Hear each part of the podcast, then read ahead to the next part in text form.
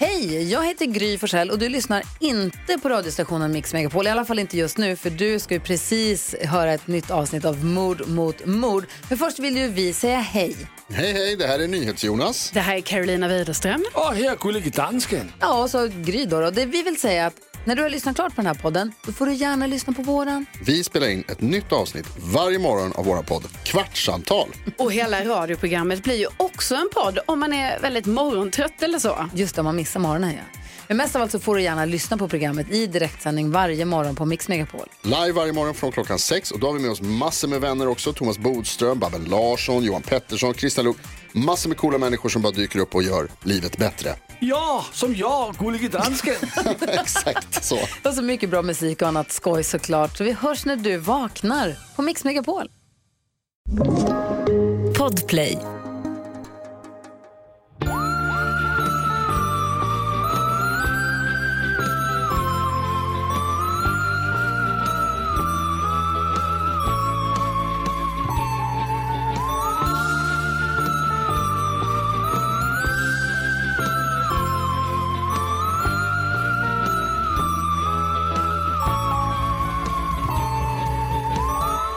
Välkomna till eh, Mord mot mord, Oj, säger Sigrid också. verkligen. Hon är verkligen i för kung och. Hon är superhungrig tror jag. Hon är, Ah. väntar på att få fiskpinne till middag. Vad känner hon för fiskpinne? Hon älskar det. Okej, så det är, ingen, det är inte en ny situation med skärgårdsgrytan? Nej, Nej. vi har övergått till fast föda och det, det tycker hon mycket, mycket bättre om. Precis som sin mamma. Du gillar ju inte heller soppa Jag gillar ju och smoothies i gegg. och typ. för sig. Jo men vem gör inte? Alltså det är ju, Nej. det är ju liksom inte, det, Det gör väl hon med? Ja, det gör hon. Så Ja. det gör. Ja. Helt rätt. Men Karin, Ja. vet du vad det har varit idag? Nej.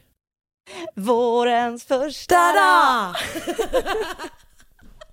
det Alltså, har verkligen det. Nej, men, Alltså det var väl kanske det redan i och för sig typ i fredags. jo fast ju det räk, man räknar ju Men- från första gången vi poddar ihop. Det är då våren Exakt. kommer. Ja, 100 procent. Alltså, jag är så lycklig. Men alltså aprilsolen, vilket jävla... Vad stark den är. Ah. Alltså ingenting, få saker ska jag säga, ger en en sån känsla av, nu kommer det, livet.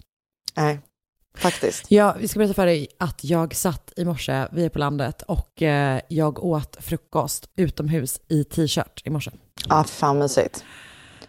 Jag satt på en bänk i fredags när Sigrid sov i vagnen. Och alltså brände mig i ansiktet. Nej men Anna, SPF. För jag vet, fan. jag har SPF. Ah, Okej. I Solhatt. know baby. Solhatt. Mitt ansikte, min hud är eh, very, very sensitive. Och jag satt alltså typ ute i en timma. Och typ, alltså brände mig var kanske det Men lite svedd, du vet. Jag kände att solen hade tagit. Men till och med det känns ju härligt i början och det förstår jag Ja. inte är en bra grej att säga. Men alltså det Nej. har, till och med det har ju någonting. Alltså, du kommer inte ihåg när man var yngre, man bara, men det blir brunt sen. När man var typ kräftröd och bara, nej det kommer aldrig bli brunt, det kommer fjälla och sen så kommer det vara ännu vitare än vad det var innan. Varför är det jag fortfarande? Fast min grej har alltid varit typ att så här, att jag bara, nej alltså jag är röd men det gör inte ont. Och då har Ah, jag okej. alltid räknat det som att det inte är bränt. Ja, jag fattar. Mm. Det är också kul att man alltid känner att man måste försvara sig. Men man, extremt mycket, Alltså men, någon säger bara, oj vad du är bränd, så bara, nej nej nej, alltså det är ingen fara. Nej, alltså jag kanske är lite röd, men det gör ju inte ont. nej men det är ju det för att det är så jävla pinsamt att man har så dåligt pigment. Alltså det är Det, och varför är det skämmigt. det? Man kan ju inte hjälpa det. Nej, det är faktiskt insane. Alltså typ att Marcus, han tycker, det, han brukar tvinga mig att, eh, för han har jättebra pigment, vilket, varför har han det? Han är, Det är så lite otippat jävla faktiskt. blond. Han får sådana, Mm. du vet, liksom, han har så långa solbrända ben efter typ en kvart liksom. eh, och när han tycker att det är så roligt när jag blir röd, så att han, har en- alltså att han tvingar mig att sjunga en låt som handlar om att jag av någon anledning är en krabba. Eh, Inte kräfta. Nej, utan krabba. Eh, Mm. Vilket jag tycker, jag, också, har- jag har också invänt mot det här vill jag vara tydlig med. Men varje gång jag har bränt mig i alla fall. Eh, så det är liksom, on alltså det jag försöker säga är att han eldar helt enkelt på den skämmiga känslan kring mitt dåliga pigment genom att peka på, peka på hur extremt dåligt pigment jag har och hur skämmigt det är. Ja, men han kan gå och dra något gammalt över sig. Verkligen, det är det han har gjort. Han är gift med mig. Men alltså, jag tycker ändå det känns skönt när man insåg att eh, man ska smörja in sig. det, var, det var som en så här, och typ att man bara så här, ja, jag blir tyvärr, jag är tyvärr så här Man- dålig i solen. Och man måste lära sig att älska sig, ändå, älska, älska sig själv ändå. Exakt. Ja, där har det alltid varit tacksamt att komma från typ ett så indie-håll. Ja, då, precis, man ska inte, det passar sig inte. Nej, man ska ju hälsosam det är inte så man ska se ut ändå. Nej. Jag har aldrig ägt en bron- bronzer, om man säger så. Nej, jag fattar. Det Så- har ju jag. Så du borde ha joinat mitt glada Jag gäng, borde ha det. mitt ledsna gäng. Verkligen. Ehm, ja, nej men det är ju vårens första dag. Äntligen Det är är det. det. här. Jag gillar att du har blivit den som bestämmer det. Eh, precis, jag med. alltså, hade, jag, hade de sagt till mig för några år sedan att jag skulle vara den som bestämde när våren hade kommit, För hela svenska folket. sagt, då hade jag sagt bring it on, I'm, ready. du har ju sjunkit upp sen dess. Om någon Exakt. hade sagt det, ja, vill säga. Verkligen. Ehm, ja, Eh, ja, annars något nytt, något spännande. Vi kan ju... Vad Har- kan vi säga för något spännande? alltså vi brukar väl typ säga om vi har sett någonting. Har, så har, Ja, du. Har, du, har du något att tipsa om? Eh, började titta på den där Scotten Bailey som Mm. du tipsade mig om på SVT Play igår. Jag har sett två avsnitt. Vad känner du? Eh, jag tycker den känns mysig, liksom så lätt, eh, lätt smält på något vis. Japp, exakt. Och det älskar man ju. Ja, och att det finns så många, alltså kombinationen av det, att det är liksom en krimserie men som ändå är, den är inte alldeles för tung. Eh, eller den är ju inte tung liksom, utan det är som Nej. brittisk kriminaldrama. Man, man, man vet vad det är och man gillar det typ. Eh, men det är i kombination med att det finns typ fem säsonger på SVT Play. Det gillar man också. Det ger mig ett sånt lugn. Och ibland, för jag kollar ju på Brottet, den danska Just det, serien just det, också, just det. Och ehm, jag, alltså danska är ju inte superlätt att förstå när det går snabbt. Alltså, och framförallt nu när jag inte är på jobbet, för förut liksom, jag tror att jag, och fast de danskarna på mitt jobb pratar nog liksom svensk-danska i och för sig. Men så att det är skönt att ha någonting som man också kan vara lite så här Det pågår. halv, halv med i Mm. och man fattar ändå, för typ på brottet ibland att jag bara, uff, jag har Ja. missat en halvtimme och har ingen aning om vad som har hänt. Ja, Jag fattar. Nej, Mm. ja, men verkligen. Jag håller helt med om att det är den typen av, eh, av liksom, ja, när man vill se en krimserie men man vill ändå ha ett liv med. Exakt. Mm. Scott and Bailey, SVT Play. Har du sett något? Jag och eh, Sanna började här på landet igår kolla på eh, nya Netflix-serien The Serpent. Mm, den skulle jag vilja se också. Ja, du har ju gjort det fallet. Just det.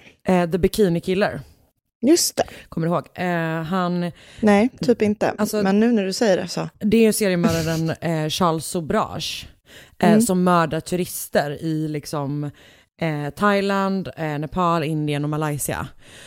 Ehm, och eh, det är liksom, ah, det är också det att det kallas för The Bikini Killer, men, men han, det är ju för att han ofta liksom, ja, hans första offer är typ kvinnor som hittas på stränder eh, iförda Mm. typ bikini liksom. Eh, men så bara sett första avsnittet, eh, har lite svårt att avgöra, det är alltså en dramaserie men liksom based on, eh, har lite Mm. svårt än så länge att avgöra vad jag tycker. Det var väldigt långsamt. Ehm, och Ja, typ, det kommer vet, inte vara något för mig då. Nej men du vet det är svårt när man liksom, för jag har ändå lite grundförståelse för att du eh, har berättat om det för mig liksom. Men att man Mm. ändå är så här, vad, vad, vad händer nu? Och nej okej, jag vet inte vem. Och det hoppar väldigt mycket mellan ganska korta eh, tidsskillnader. Att det är så här två månader tidigare, två månader senare och sen så är det typ fyra Ah, okej. månader. Alltså att det är liksom så här, det hoppar fram och tillbaka väldigt mycket på ett sätt som känns lite typ övertydligt nästan. Men, men, men samtidigt så vill jag typ se mer. Så känner jag. Jag fattar, okej, spännande. Eh, Eh, för jag hatar ju typ när det är, när det är för långsamt. Alltså jag orkar ju inte det. Nej. Det Så här, okej, har jag inte blivit hooked första avsnittet, då får det vara typ. Det var också, du vet, ja, men jag, jag har bara sett ett avsnitt. Det kändes, det kändes som att det var ganska långt. Alltså typ att det var sådana en timmes avsnitt typ. Ja, Eh, gillar jag inte heller. Och nej, det finns en risk att det här inte är för dig. men du kan testa. Eh, och jag lovar att hålla dig uppdaterad och se vad jag, eh, vart jag landar någonstans också. Ja, superbra. Ehm, har vi något mer? Inte vad jag vet va? Nej, nej. Jag tror att Ska vi inte bara det. köra igång jag det, tycker eller? det. Poddtips från Podplay. I podden Något Kaiko garanterar östgötarna Brutti och jag, Davva, dig en stor dos skratt. Där följer jag pladask för köttätandet igen. Man är lite som en jävla vampyr. Man har fått lite blodsmak och då måste man ha mer. Udda spaningar, fängslande anekdoter och en och annan arg rant. Jag måste ha mitt kaffe på morgonen för annars är jag ingen trevlig människa. Då är du ingen trevlig människa, punkt. Något Kaiko, hör du på Podplay. Därför är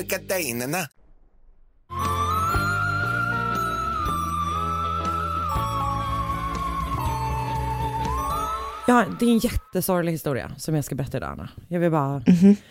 säga det redan från början. Ja, eh, okej. Så vi ska börja i... Det här är en dansk stad som alltså heter Hirtshals. Mhm. H-I-R-T-S-H-A-L-S. Du som är lite dansk, hur skulle du... Hirtshals.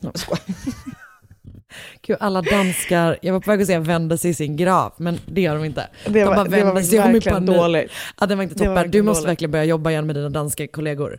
Eh, Ja. men det är i alla fall en liten hamnstad och badort på norra Jylland i Danmark då.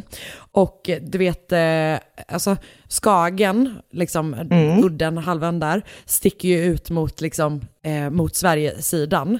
Eh, och det här ligger typ där liksom, ja men typ där det är fäster, där den udden där Skagen ligger fäster. Eh, Okej. Där är vi liksom, så det är långt norrut helt enkelt. Eh, ligger typ 40 minuter med bil eh, från Skagen. Och det är en liksom, hamnstad. De, det är mycket färjor från, eh, från Norge som lägger till där, men det är också typ en så här badort och eh, verkar också ha lite så här fiskerinäring. Alltså klassisk Okej. kust, kuststad helt enkelt. Och här föds då Louise Jensen den 19 mars 1971. Hennes mamma heter Annette och hennes pappa heter Paul och ett par år efter att de har fått Louise så får de också en son som de döper till Sören. Så det är liksom, det här är familjen, de här fyra personerna och det är en så stabil och, och nära familj. Louise verkar ha haft en, en väldigt så vanlig, som jag tänker mig, dansk uppväxt. Hon är väldigt omtyckt, hon beskrivs som varm, så här, spontan och impulsiv och att det gör henne väldigt eh, rolig att vara med. Liksom. Hon, Okej. hon är en person som, eh, ehm, som folk vill vara med. Så beskriver hennes kompis Karina som hon lär känna på spanska lektionerna i gymnasiet. Eh, alltså hon beskriver det som att så här, hon får folk omkring sig att må bra. Mm. Och som sagt, de träffas alltså på gymnasiet och då har eh, Louise börjat så här, intressera sig, hon, eller hon tycker om poesi, men hon är också väldigt eh, inne på språk och är väldigt, väldigt duktig på språk. Så hon läser spanska, tyska, engelska utöver danska och är, ja, men, har en fallenhet för det liksom. Um, och språkintresset och kunskaperna passar liksom bra ihop med hennes planer för hon, vad hon ska göra efter skolan. För hon och Karina vill ut i världen uh, och resa tillsammans liksom. Mhm. Så de börjar jobba ihop pengar för att så här, kunna realisera den här eh, planen. Så Louise jobbar som servitris på ett hamburgerställe och Karina jobbar i en fabrik. Och sommaren 1992, så när Louise är 21 år gammal, så tar de ett jobb som, eh, alltså det här känns som ett, för, eller för mig känns det här som ett typiskt jobb man tar när man verkligen så här, nu jävlar, nu, det här kommer suga men nu tjänar vi ihop pengar och sen så åker vi på en resa. Och det är att hon jobbar i en sån Spänd. fiskfabrik. Ah, fan. Alltså jag, jag hade faktiskt inte gjort det. Men nej. Alltså, alla som åkte till Norge och rensade fisk Exakt. för att tjäna pengar. Alltså, då hade jag hellre varit fattig och stannat hemma typ. Alltså, jag hade inte stått ut med fisklukten. Nej, ehm, alltså jag och William, Alltså, jag, hade hellre jobbat som, jag hade hellre jobbat som väldigt mycket annat som kanske andra människor inte skulle göra. ja, nej, men jag, jag. tror att du, jag tror att jag hade haft lättare för det. Eh, Eyes on the prize. Det vill säga min stora resa. Eh, och nej, men, och de säger ju också, typ, Carina säger typ att hon bara, det, här, det var verkligen ett fruktansvärt jobb. Typ. Man blev ju inte bra av med fisklukten. Så att du har ju helt Nej, rätt i fan, din Fy analys fan, här. fy fan vad äckligt. Ehm, men det gör de i alla fall, så att de liksom verkligen jobbar så mycket som möjligt och sam- samlar ihop så mycket pengar som möjligt.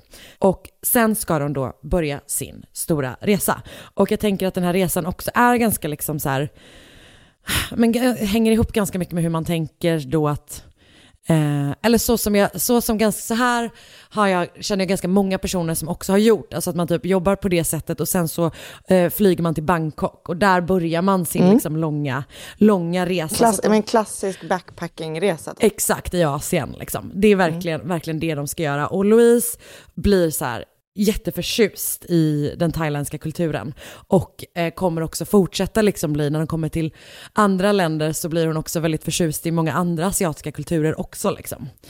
Ehm, och eh, de typ pratar ganska mycket, hon är så intresserad av typ buddhism och sådär och, och är ganska andlig. Jag tror att hon är, eller hon är religiös.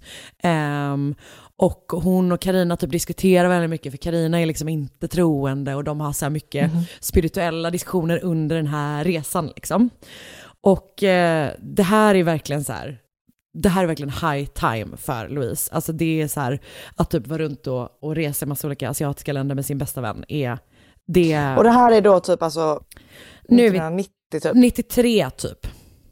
Ehm, jag vet inte riktigt hur länge de är ute och reser, men alltså jag tror att det verkligen är ett bra tag. Eh, alltså det är så pass länge att Louise hinner typ ha, när de är i Indonesien så har hon typ en pojkvän ett tag. Så att de verkar som Ah, att de stannar ganska länge på liksom ställen också och inte bara så här, dra vidare typ. Nej. Eh, men till slut då så är det dags att avsluta resan och eh, Louise, eh, Carina åker typ till, hon åker till New York och jobbar på någon skola där ett tag.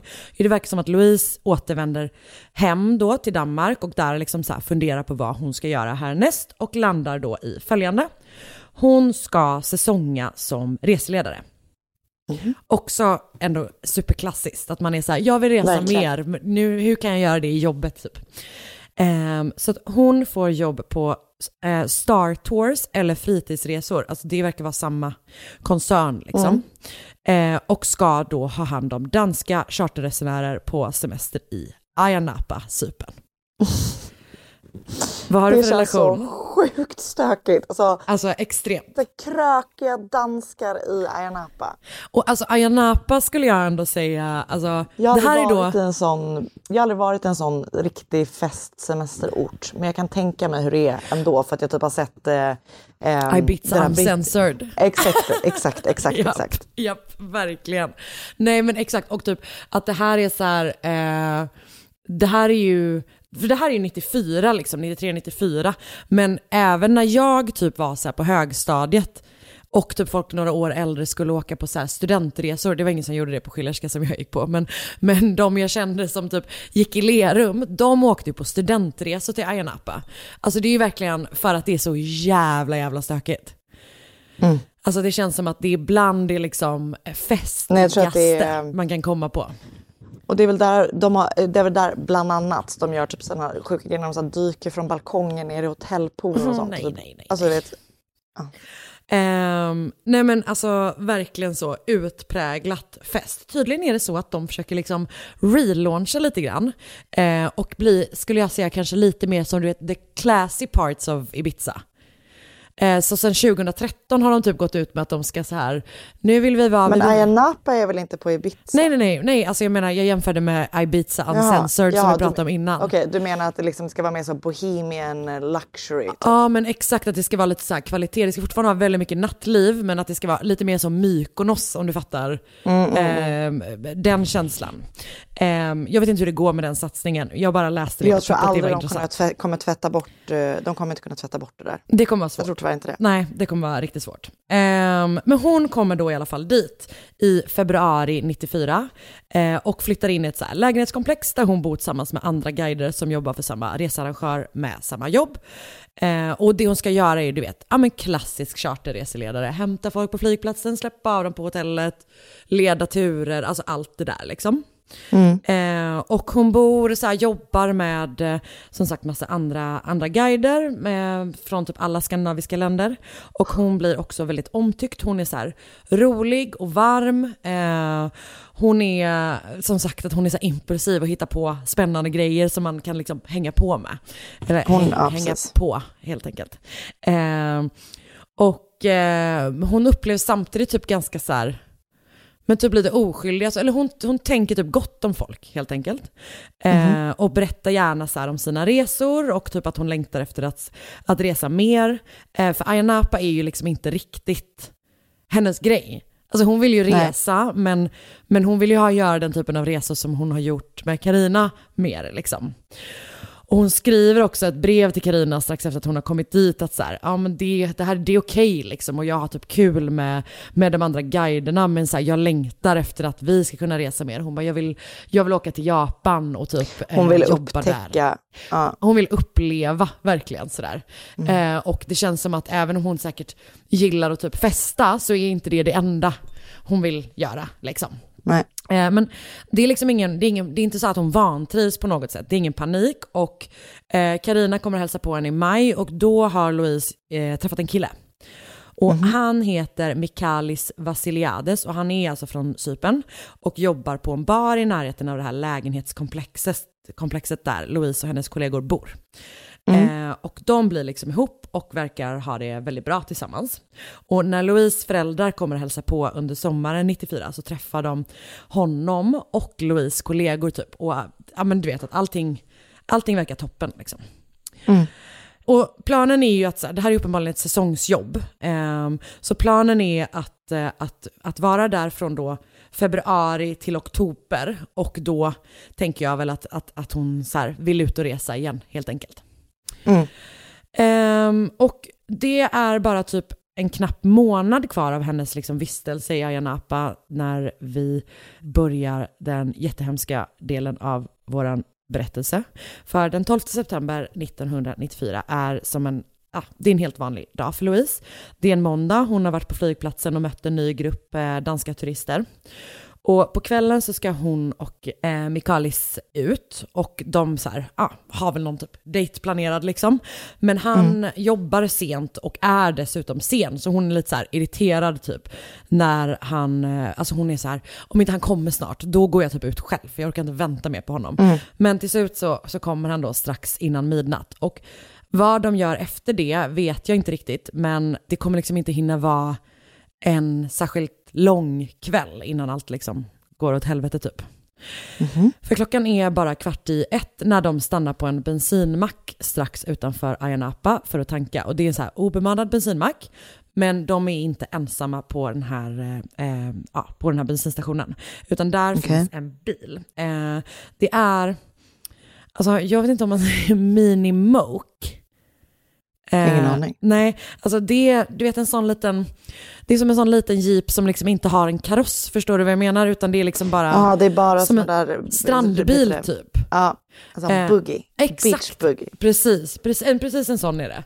Och eh, det, i den här bilen sitter då tre män och Mikalis och Louise upplever liksom att så här, fan de är lite konstiga typ. De stirrar så himla mycket på oss. Eh, det, känns, det känns obehagligt liksom.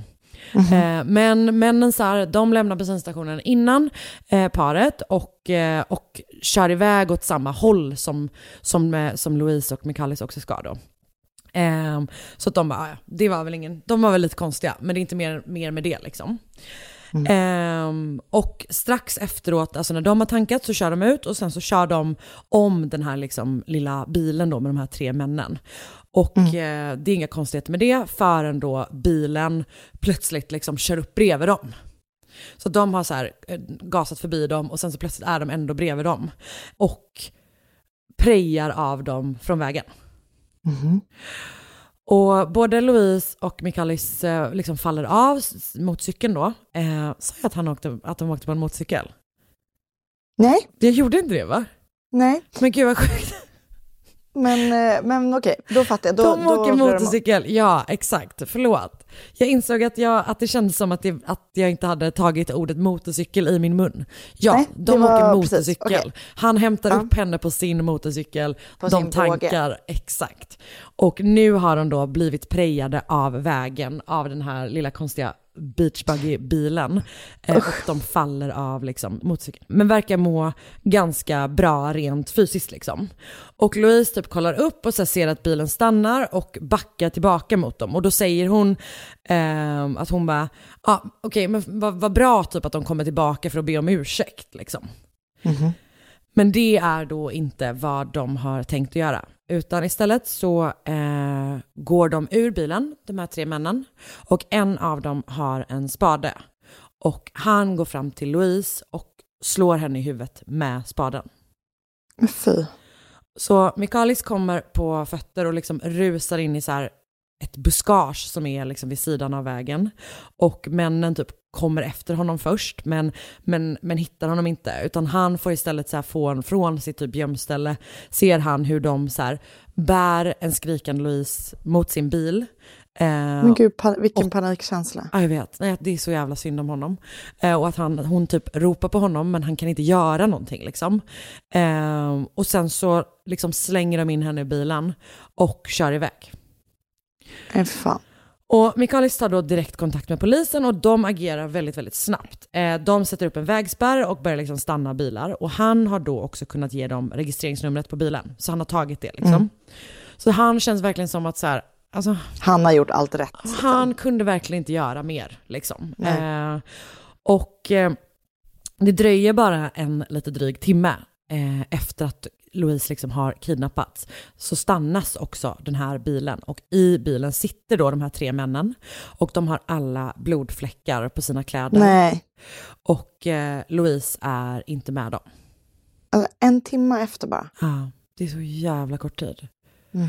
Och det är liksom en typ 45 minuter efter att han har plockat upp henne. Alltså det är ett extremt litet liksom, tidsspann typ. Eh, Mm. Så de grips då eh, direkt eller, eller liksom, eh, tas till förvar i alla fall. Och ehm, de här tre männen, eh, de, den första heter Alan Ford. Han är eh, född 1968 i Sutton Coldfield i Birmingham.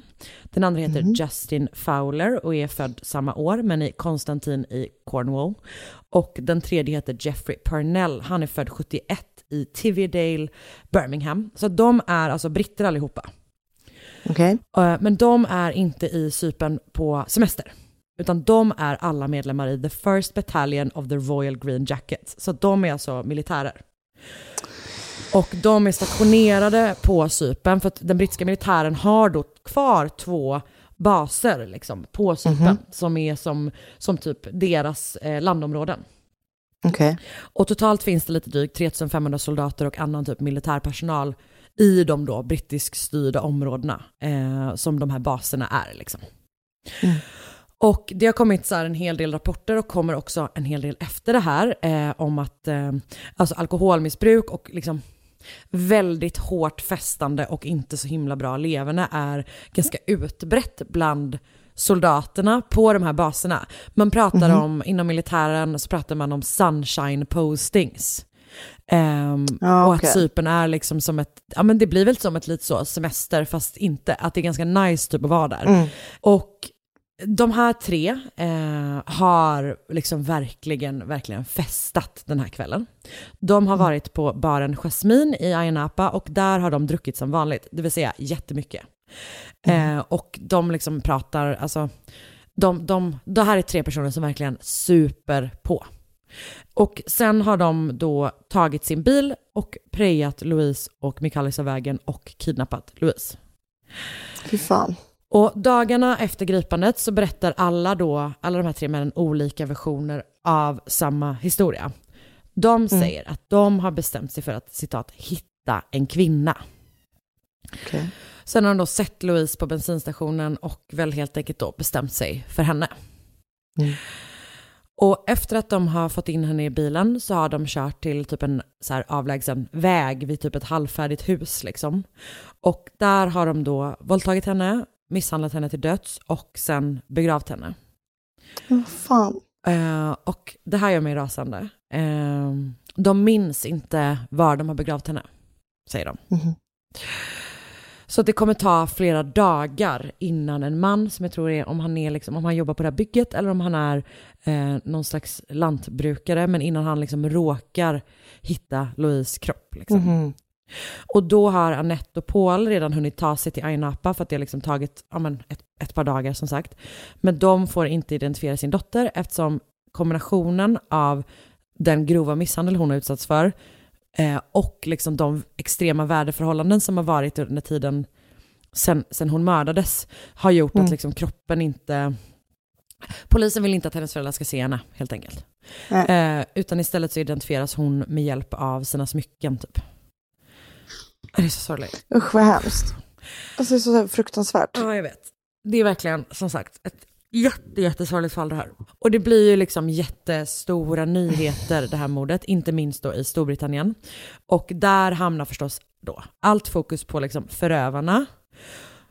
Och eh, Louise blir typ så här, ja men du vet, en blond bild som typ används i artiklarna. Och eh, alltså hon har typ inget utrymme alls. Eh, männen beskrivs då som så här, en, en skam för sitt land och du vet så här, eh, att de är liksom i, i ett främmande land och ska representera Storbritannien och då gör det här liksom.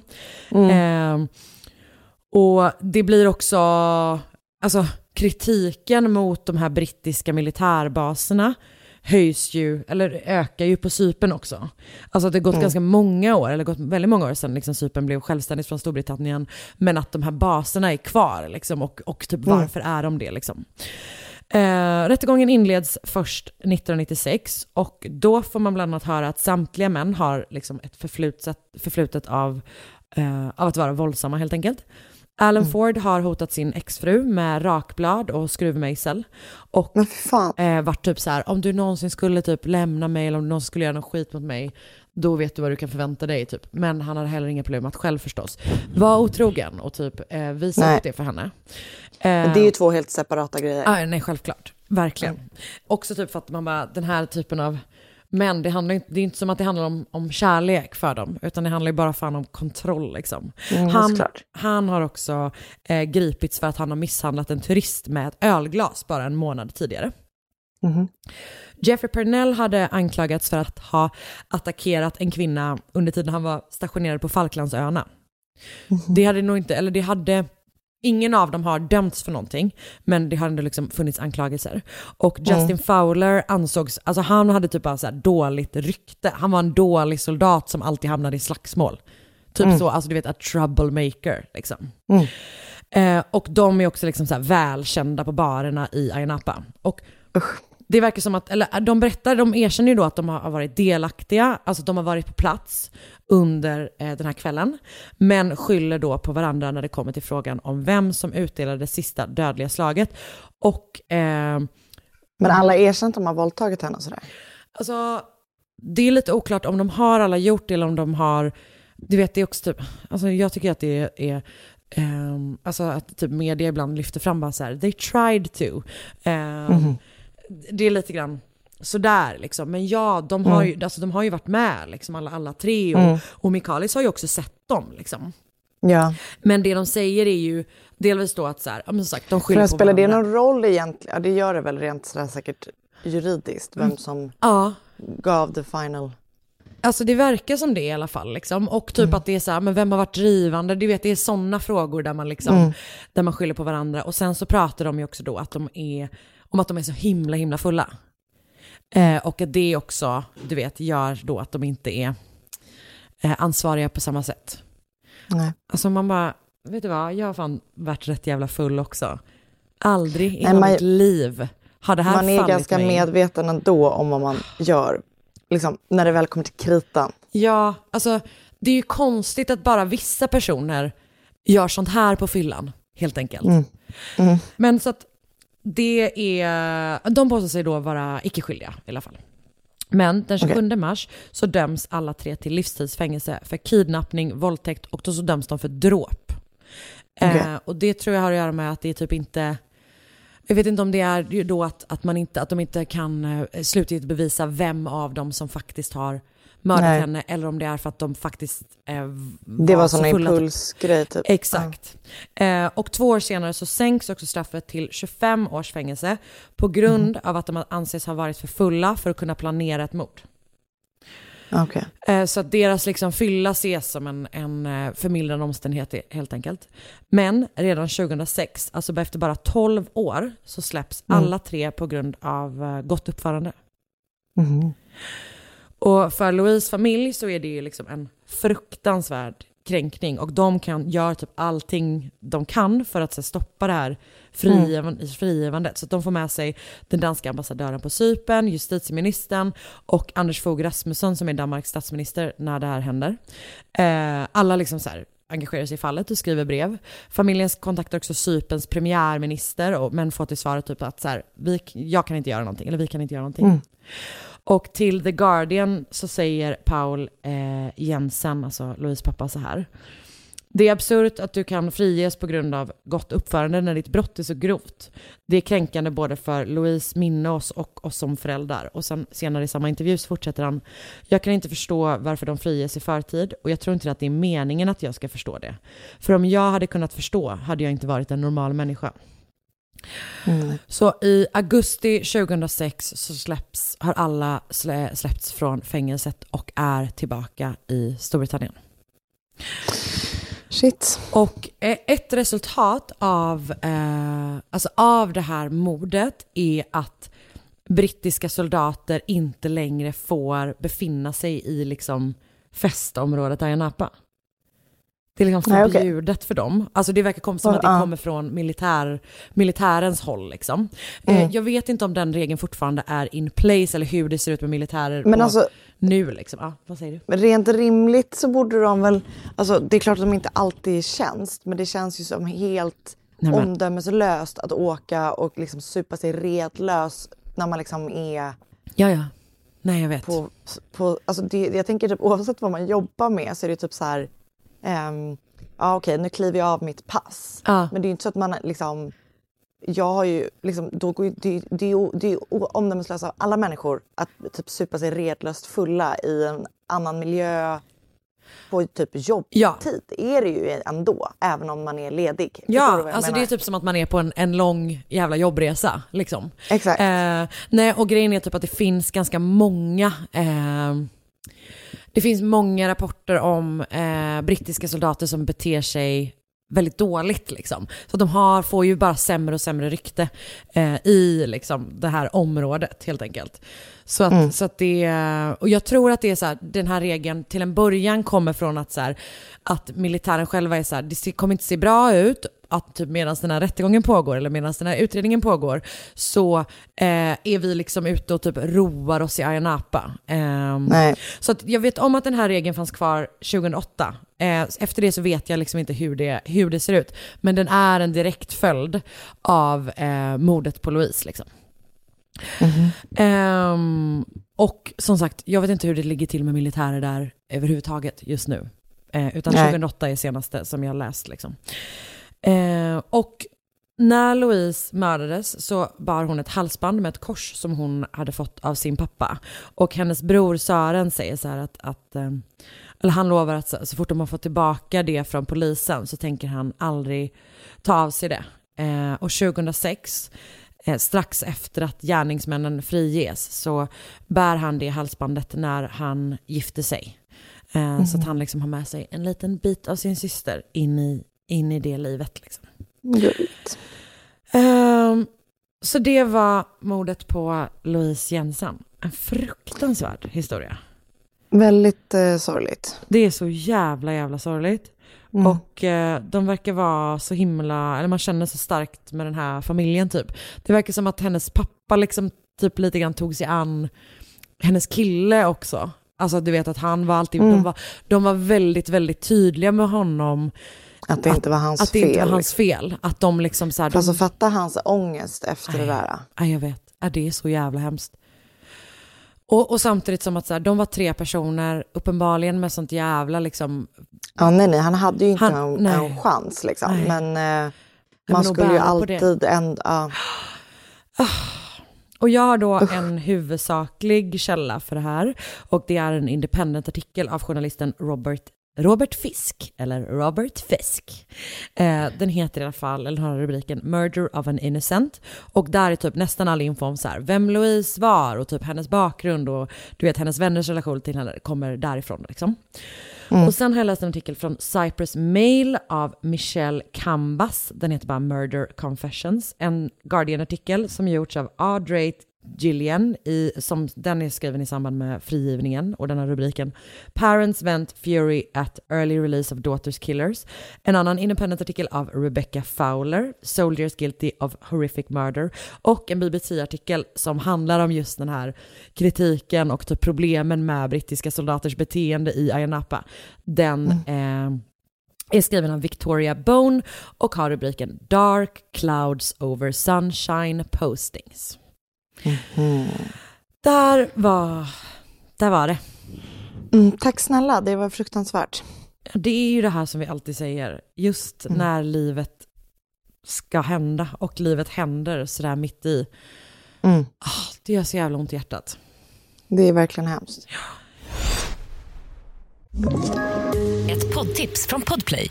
I podden Något Kaiko garanterar östgötarna Brutti och jag, Davva, dig en stor dos skratt. Där följer jag pladask för köttätandet igen. Man är lite som en jävla vampyr. Man har fått lite blodsmak och då måste man ha mer. Udda spaningar, fängslande anekdoter och en och annan arg rant. Jag måste ha mitt kaffe på morgonen för annars är jag ingen trevlig människa. Då är du ingen trevlig människa, punkt. Något Kaiko, hör du på Podplay. Därför är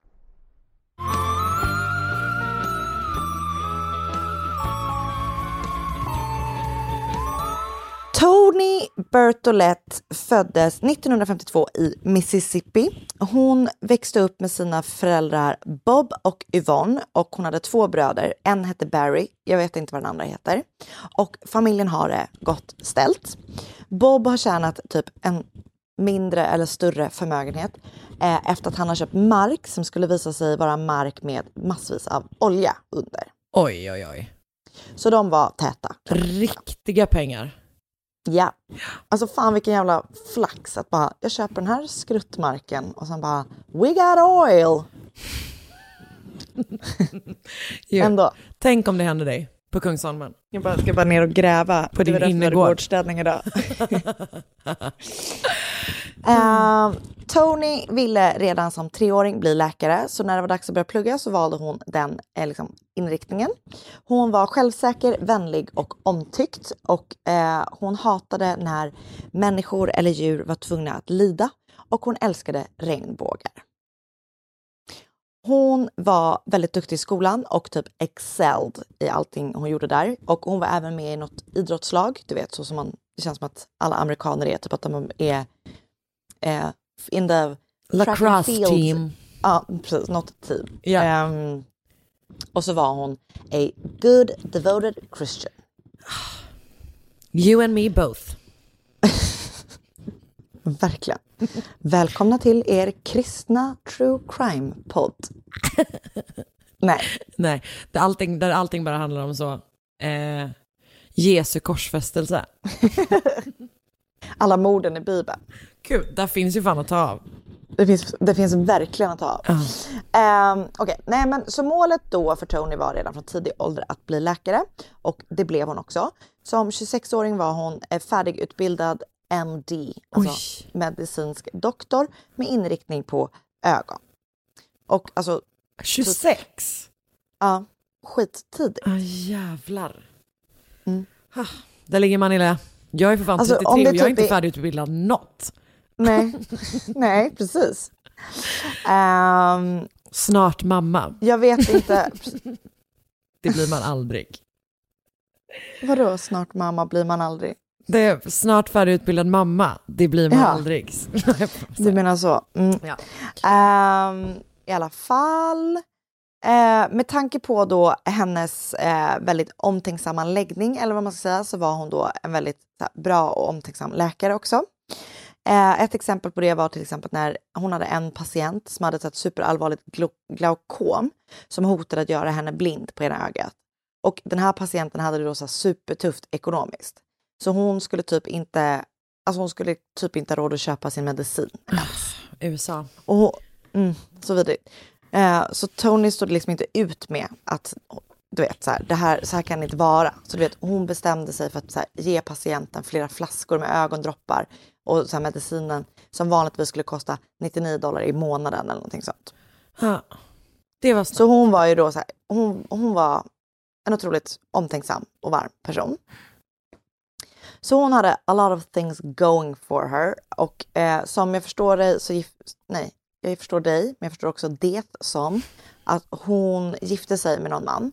Men de fick inga barn och det verkar inte ha blivit särskilt långvarigt eh, och, så de skiljer sig. Och efter att hon har skilt sig då ganska tidigt i livet så har hon lite problem med att hitta kärleken. Till slut så gör hon i alla fall en profil på en dejtingsida för kristna. Och 1999 så träffar hon en man på den här dejtingsidan. Harold Henthorne. Han är enkling och är en, han är framgångsrik affärsman och han arbetar då med att fundraisa eh, pengar. Alltså han gör typ olika så fundraising-galor typ, eh, till sjukhus och kyrkor. Han har det då också gott ställt och han lovade typ Tony guld och gröna skogar och framförallt kärlek. Och det går snabbt och när de har träffats i typ nio månader så gifter de sig. Och efter att de har gift sig så flyttar de då, för de har träffats i Mississippi där eh, Tony har bott med sin familj. Typ. Eh, eller hon har inte bott med sin familj, men där hon kommer ifrån. Eh, så flytt, nej, men när de har gift sig så flyttar de till Denver, Colorado. Och båda två längtar efter barn och de försöker i några år och till slut blir Tony gravid och eh, föder deras dotter Hailey. Barry, som är då Tonys ena bror, blir först förtjust. Han tycker, Tony, eh, han tycker Harold är allting som Tony har drömt om. Och även Bob och Yvonne, alltså hennes föräldrar, blir också till en början förtjusta. Ehm, men så dröjer det inte superlänge eh, innan de är vad, vad man, alltså, ja, de är inte överförtjusta så superlänge kan man säga. Hon har ju då alltid älskat sitt jobb och hon är ju typ eh, inte direkt i behov av att en man ska försörja henne i och med att hon själv då kommer från en förmögen bakgrund. Eh, och jag tror i och för sig att hon fortsätter att jobba eh, när hon har träffat Harold, men inte så mycket eller typ så passionerat som hon har gjort innan eller vad man ska säga.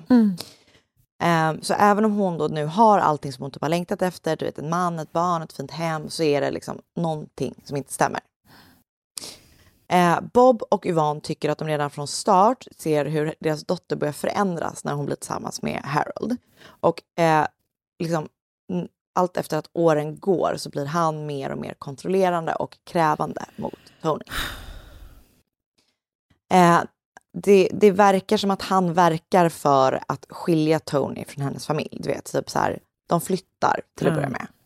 Eh, och när hennes familj ringer hem för att tala med Tony så var det alltid Harold som svarade. Och det skulle visa sig att, eller det visade sig liksom att han hade eh, kopplat om hemtelefonen så att alla samtal till hemtelefonen kopplades om till hans mobiltelefon. Oj. Och när familjen väl då kom fram till eh, Tonys telefon så var det alltid att eh, hon pratade på högtalartelefon och han typ var i närheten. Ja, det är inte bra det. Nej. Usch. Eh, så jävla ångest alltså.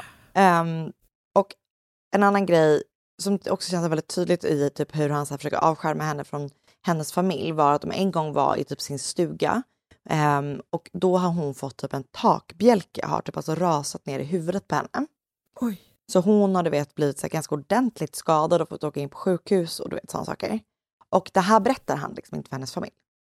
Mm. Så de får reda på det så långt efter och då är det typ att han bara var så här, aha, ah, jag trodde jag nämnde det, ah, konstigt, ah, men det gick ju bra allting typ. Okej. Typ Ja. så. Mm. Även hennes kollegor märkte av att han var som han var. Någon av hennes kollegor har då berättat om att när de hade möten på jobbet, alltså vet, typ så här måndagsmöte eller du vet så uppstod något, så var han alltid med. För Ursäkta? att han ville veta vad hon gjorde även där. Alltså det är typ det stelaste jag kan tänka mig. Bara så här, ja nej, Oskar är med nu här på mötet för han vill bara ha lite det, insikt i typ, hur min vecka kommer se ut. Fattar du vad gränslös man är då? Eller hur långt det har gått redan då när man inte ens försöker dölja det? Utan man bara, nej, Nej. men jag kommer vara med i dina jobbmöten.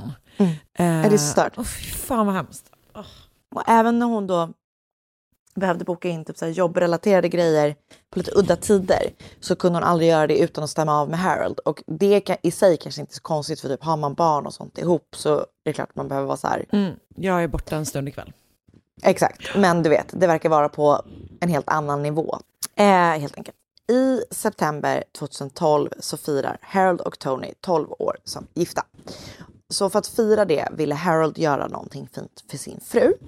Så i hemlighet planerar han en resa till Rocky Mountains eh, nationalpark för de två. Han ber typ hennes kollega avboka hennes patienter eh, på fredag eftermiddag så att han kan ta med henne tidigare från jobbet. Du vet, han ordnar med barnvakt, massa sådana liksom, grejer.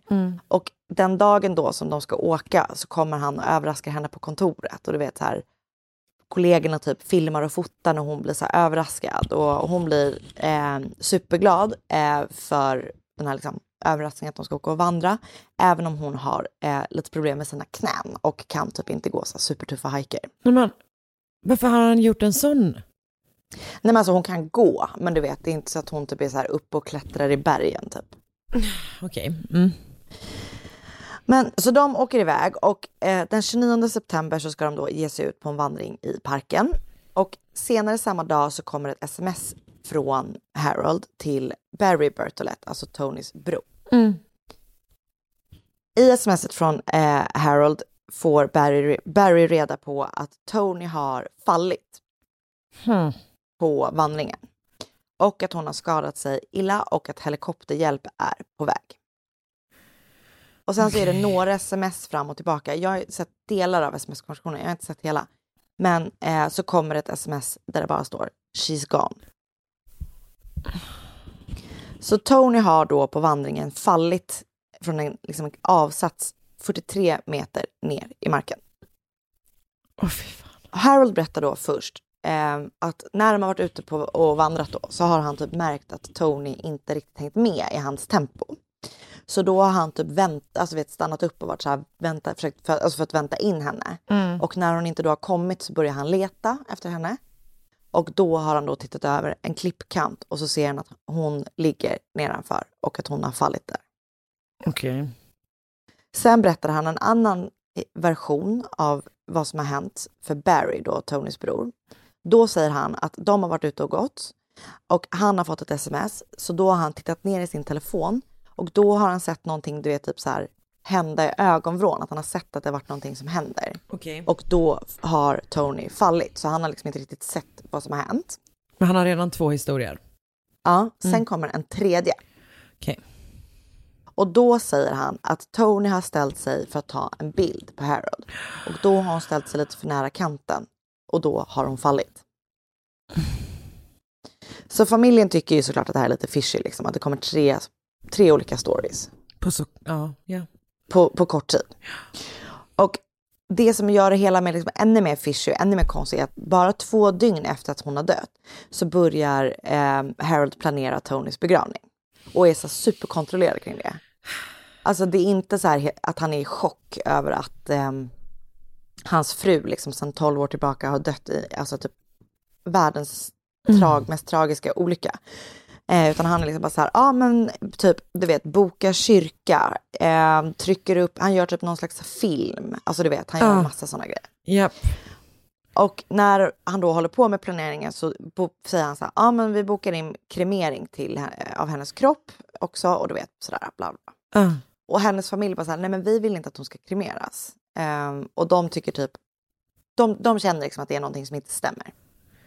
Och de är säkra på att Tony inte föll, utan att det var Harold som puttade henne på hajken. Ja. Och polisen blir såklart inkopplad, för det blir det alltid när det har varit en fallolycka med dödligt utfall, oavsett liksom. Ja, de måste ju liksom utreda oavsett om man tror att det är något weird eller inte. Mm. Och de hittar någonting skitkonstigt när de börjar utreda. I Harold och Tonys bil hittar de en karta. Och på kartan så är det ett kryss utmarkerat. Krysset är placerat precis där Tony föll. Okej.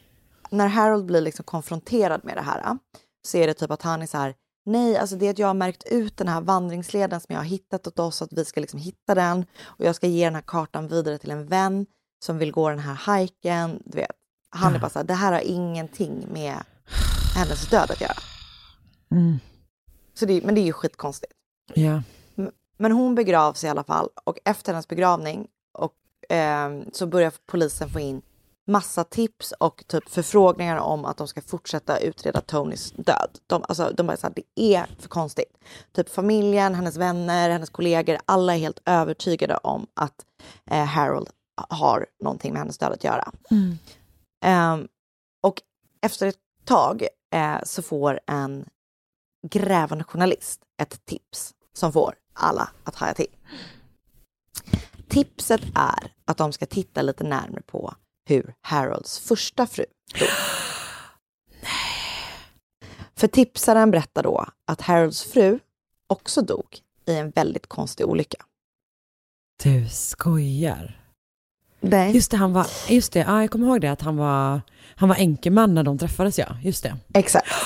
För han har ju då varit gift innan han träffade Tony. Och hans första fru hette Sandra Richel. Hon kallades för Lynn av någon anledning. Och eh, de träffades 1983 och gifte sig och hennes familj tyckte Harold var alltså bara supertoppen. Typ eh, Lynns bror beskrev det som att han var som en storebror för honom och allting verkligen, liksom, verkligen, verkligen bara vara toppen. Det fanns Mm. liksom ingen, inga klagomål kring deras relation, kring Harold, ingenting. Men den 6 maj 1995, då 12 år efter att de också har då gift sig, så hände någonting väldigt hemskt och sorgligt. Eh, Harold och Lynn har då varit på middag och var ute och körde på väg hem i ett ganska liksom, remote area. Mm. När de är ute och kör så märker Harold att han har fått ett eh, flat tire. Alltså inte att det gått hål, men att du vet, så här, det börjat pysa luft. Typ. Så de behöver stanna för att byta till reservdäcket som de har i bilen.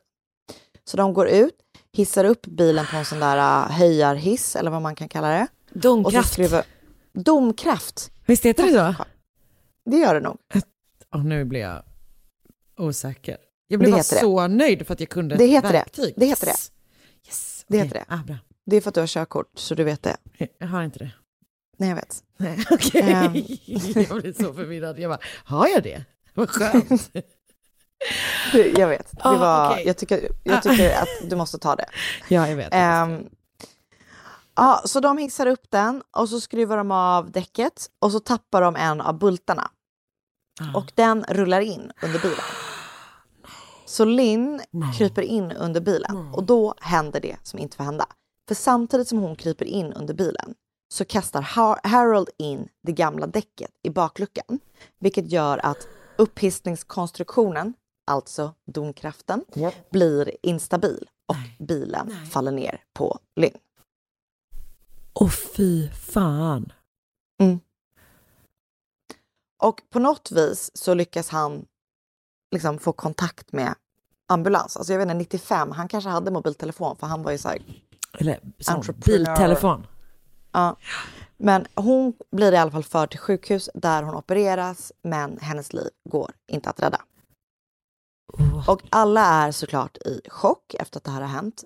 Och Lins syskon tycker typ det hela är väldigt konstigt för de bara så här, det känns så otypiskt henne att hon typ ens skulle vara den som var så här, jag kryper in under bilen. Alltså du vet, Ja. de tycker det är weird. Eh, och Harold berättar lite olika versioner om vad som har hänt liksom, under hela det här förloppet. Men eh, Lins familj har alltså inte en tanke på att Harold skulle ha, kunna ha någonting med det här att göra. Alltså, de älskar ju honom som en bror och har så tillbringat jättemycket tid med honom. Alltså, det är typ att de bara, nej men det var konstigt, men ja, ja, det var väl så det var. Typ så. Och sex dagar efter att Linn gått bort så eh, avskrivs fallet som en olycka.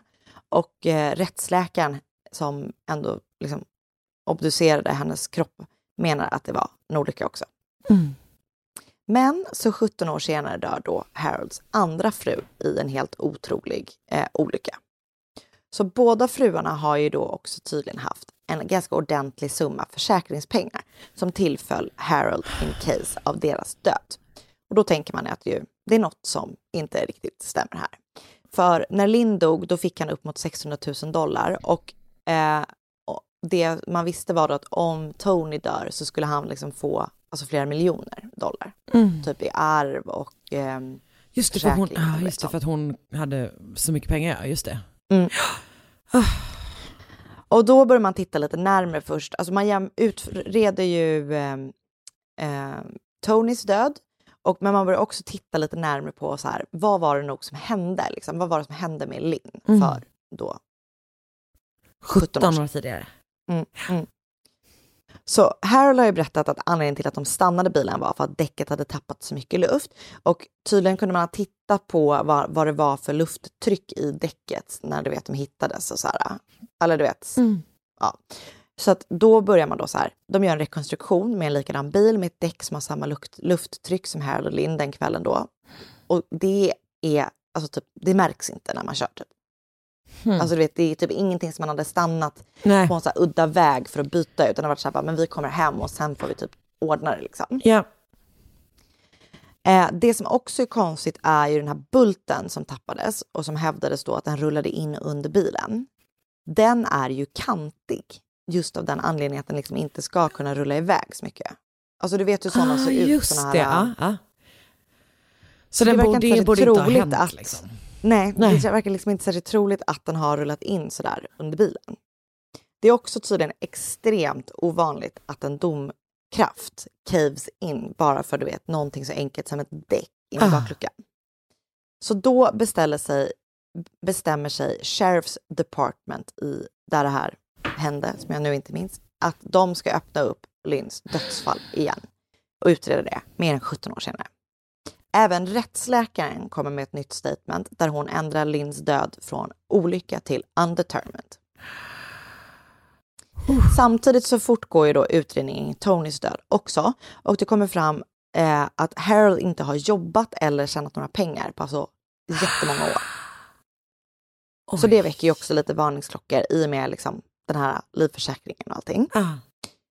Polisen börjar också misstänka att den här gången som Tony fick den här takbjälken i huvudet några år tidigare kanske inte var en olycka utan ett första mordförsök. Åh jävlar, okej. Så polisen börjar liksom också, alla är typ helt övertygade om att det inte var en olycka utan att han har puttat henne. Det visar sig också att Harold vid något tillfälle har tecknat en livförsäkring på Lynns syster, Grace, alltså hans första frus syster. En livförsäkring där han får 400 000 dollar om hon dör. Och jag fattar inte riktigt hur det här funkar. Alltså typ att en, liksom, en person som man inte är släkt med eller gift med eller lever med kan göra det. Men det hade han i alla fall. Konstigt. Men det kommer, så hon var ju typ, hon bara, jag var väl antagligen kanske offer tre typ. Och det vet man ju inte. Men eh, ja. Eh, så i november 2014 eh, grips och åtalas Harold för mordet på Tony. En domare bestämmer också att bevis gällande mordet på Lynn gärna får tas upp i den här rättegången också. Och i september 2015, tre år efter att Tony har dött, så inleds rättegången då mot hennes man Harold Hemthorne. Hans försvar tror typ att det är en helt done deal, för du vet det fanns ju inga vittnen och det finns typ inga så här hard evidence i fallet. Men åklagaren och polisen jobbar hårt. Och med hjälp av mobilmaster kan de se att Harold har varit i det här området inte mindre än nio gånger ganska i nära in på Tonys död. Han har då med största sannolikhet varit och rekat innan. Och det är också så då man tänker att han har hittat den här äh, rutten och märkt ut det här krysset på kartan. Yep. Även du vet så här omständigheterna kring hur han berättade att efter att hon har fallit, att han då ska så här, du vet, rusat ner till henne och gett henne hjärt och lungräddning och sånt, verkar inte stämma. För det fanns inga spår efter att han har klättrat ner där och hennes läppstift var liksom helt intakt när hon hittades, vilket då antyder att han inte har gett henne Mm. eh, mun mot mun metoden. Mm. De pratar också om att Tonys ring, som var en dyr diamantring värd 30 000 dollar, var borta efter fallet. Såklart. Den hittades ingenstans i närheten av där de har varit. Alltså vet, polisen går igenom typ hela parken i princip. Men helt plötsligt från ingenstans så dyker den upp åtta månader efter hennes död i parken efter många påtryckningar eh, på Harold från FBI gällande just den här ringen. Så du vet, det är så mycket konstigt och han, ehm, hans försvar då gör som sagt ingenting. De kallar inte ett enda vit- vittne. För de är tycker så att här- säkra liksom. Ja, de är typ bara så här, "Ah, ja men nej men det finns, det finns inga bevis. Nej. Alltså det är ingen som har sett något, det är ingen som har hört något, du vet så. Men sen när det är dags för domen så meddelar juryn efter tio timmars överläggande att de anser honom skyldig för mordet på Tony. Som jag förstår det så hände ingenting gällande mordet på Lynn. Jag tror att det liksom är för, alltså vet, det är för svårt att typ ha någonting att göra. Ja. Men han döms till livstid i fängelse utan chans till frigivning. Jävlar. Och Hailey, deras dotter, och han förnekar ju såklart det här, Ja. att det har hänt. Hailey, deras dotter då, eh, har bott hos några... henne. Ja men det är så jävla sorgligt. Panik. Hon har då bott hos några familjevänner till eh, familjen. Mm. Och, eh, Tonys, men Tonys bror eh, Barry och hans fru Paula önskar och jobbar för att de ska få adoptera Mm. henne. Hur gammal är hon? Du sa att Alltså hon hon gifta 12 föddes ju då, ja hon, hon är väl typ, nu är hon väl säkert då 20 eller Ja. jag vet inte. Eh, hon föddes väl där i början på 2000-talet. Fy fan alltså. Och jävlar vad han tyckte att han var smart. Ja. Oh, Och, och, och att han kom undan med det första. Första gången, och så ja. så här, det är så läskigt att man bara så här, det här var ju enkelt, let's do it again. Typ. Hur kan man vara en sån person? nej, det är omöjligt att förstå.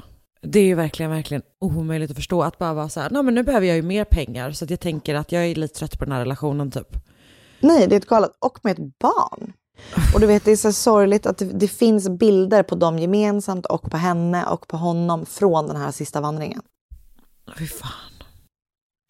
Jag var också så ont i hjärtat av att hon så här blev glad för att han typ skulle överraska henne. Ja. Nej, det är så jävla Det är genomvidrigt. Oh. Så jag har eh, sett en eh, dokumentär som heter Accidental Husband av 48 Hours på CBS News. Jag läste en artikel på Rolling Stone eh, skriven av Caleb Hannon som heter How One Man Allegedly Murdered Two Wives. Eh, och sen har jag läst en artikel som heter Husband Who Pushed Wife Off Cliff May Have Killed First Wife as well på news.com.au. Eh, ingen författare till den artikeln nämnd. Ah, fy fan alltså. Mm. Mäns våld mot kvinnor. Hur kan man med? Jag har också läst henne, hennes obituary ska jag säga Just på legacy.com. Ja, men du såg det att den, den liksom, de rubrikerna kom idag, att eh, på de senaste tre veckorna så har fem kvinnor Ja, jag såg det. av män i, alltså Mm. bara i Sverige liksom. Mm. Nej, det är så jävla vidrigt. Nu Ja, man, blir trött alltså. man blir ledsen. Eh, men det här, just det här att liksom leva med någon. Och sen bara vara så här, alltså uppenbarligen så extremt välplanerat och fortsätta leva liksom sida vid sida med någon Nej, nej. Eh, medans man, är det är omöjligt att förstå. det är verkligen omöjligt, att förstå. Vilket väl är exakt varför vi gör den här podden. För att vi Ja. tycker att det är omöjligt att förstå, men ändå typ är lite obsessed vid det. För att försöka förstå. Åh, fy fan. Tack snälla du, det var fruktansvärt Tack sorgligt. själv. Ja, ditt med. Eh, och tack för att ni har Vi, lyssnat. eh, ja, men tack för den här veckan hörni. Ni glömmer väl inte bort att man lyssnar en dag tidigare nu, eller på onsdagar släpps vi i Podplay-appen. Just. Eh, och där, den laddar man ner, gör ett gratis konto och så kan man lyssna precis som vanligt på onsdagar. Och annars så kommer vi på torsdagar i vanliga podd, eller alla andra poddappar. Ja, exakt. Eh, och sen så önskar man fall på Instagram att Sandel Anna, att Karin Londre och så kan man gå med i vår Facebookgrupp om man vill. Eh, Mordet mord Ja, det tycker jag man ska. Eh, och det var väl det hela. Det var det hela. Tack för idag. Grattis på vårens första dag. Ja, verkligen. Vilken Mm. högtid. Synd att det var så sorgligt, men det är väl så det är varje vecka. Eh, Okej, hej då! Hej då! Ett poddtips från Podplay. I fallen jag aldrig glömmer djupdyker Hasse Aro i arbetet bakom några av Sveriges mest uppseendeväckande brottsutredningar. Går vi in med hemlig telefonavlyssning och, och då upplever vi att vi får en total förändring av hans beteende. Vad är det som händer nu? Vem är det som läcker? Och så säger han att jag är kriminell, jag har varit kriminell i hela mitt liv men att mörda ett barn, där går min gräns. Nya säsongen av Fallen jag aldrig glömmer på Podplay.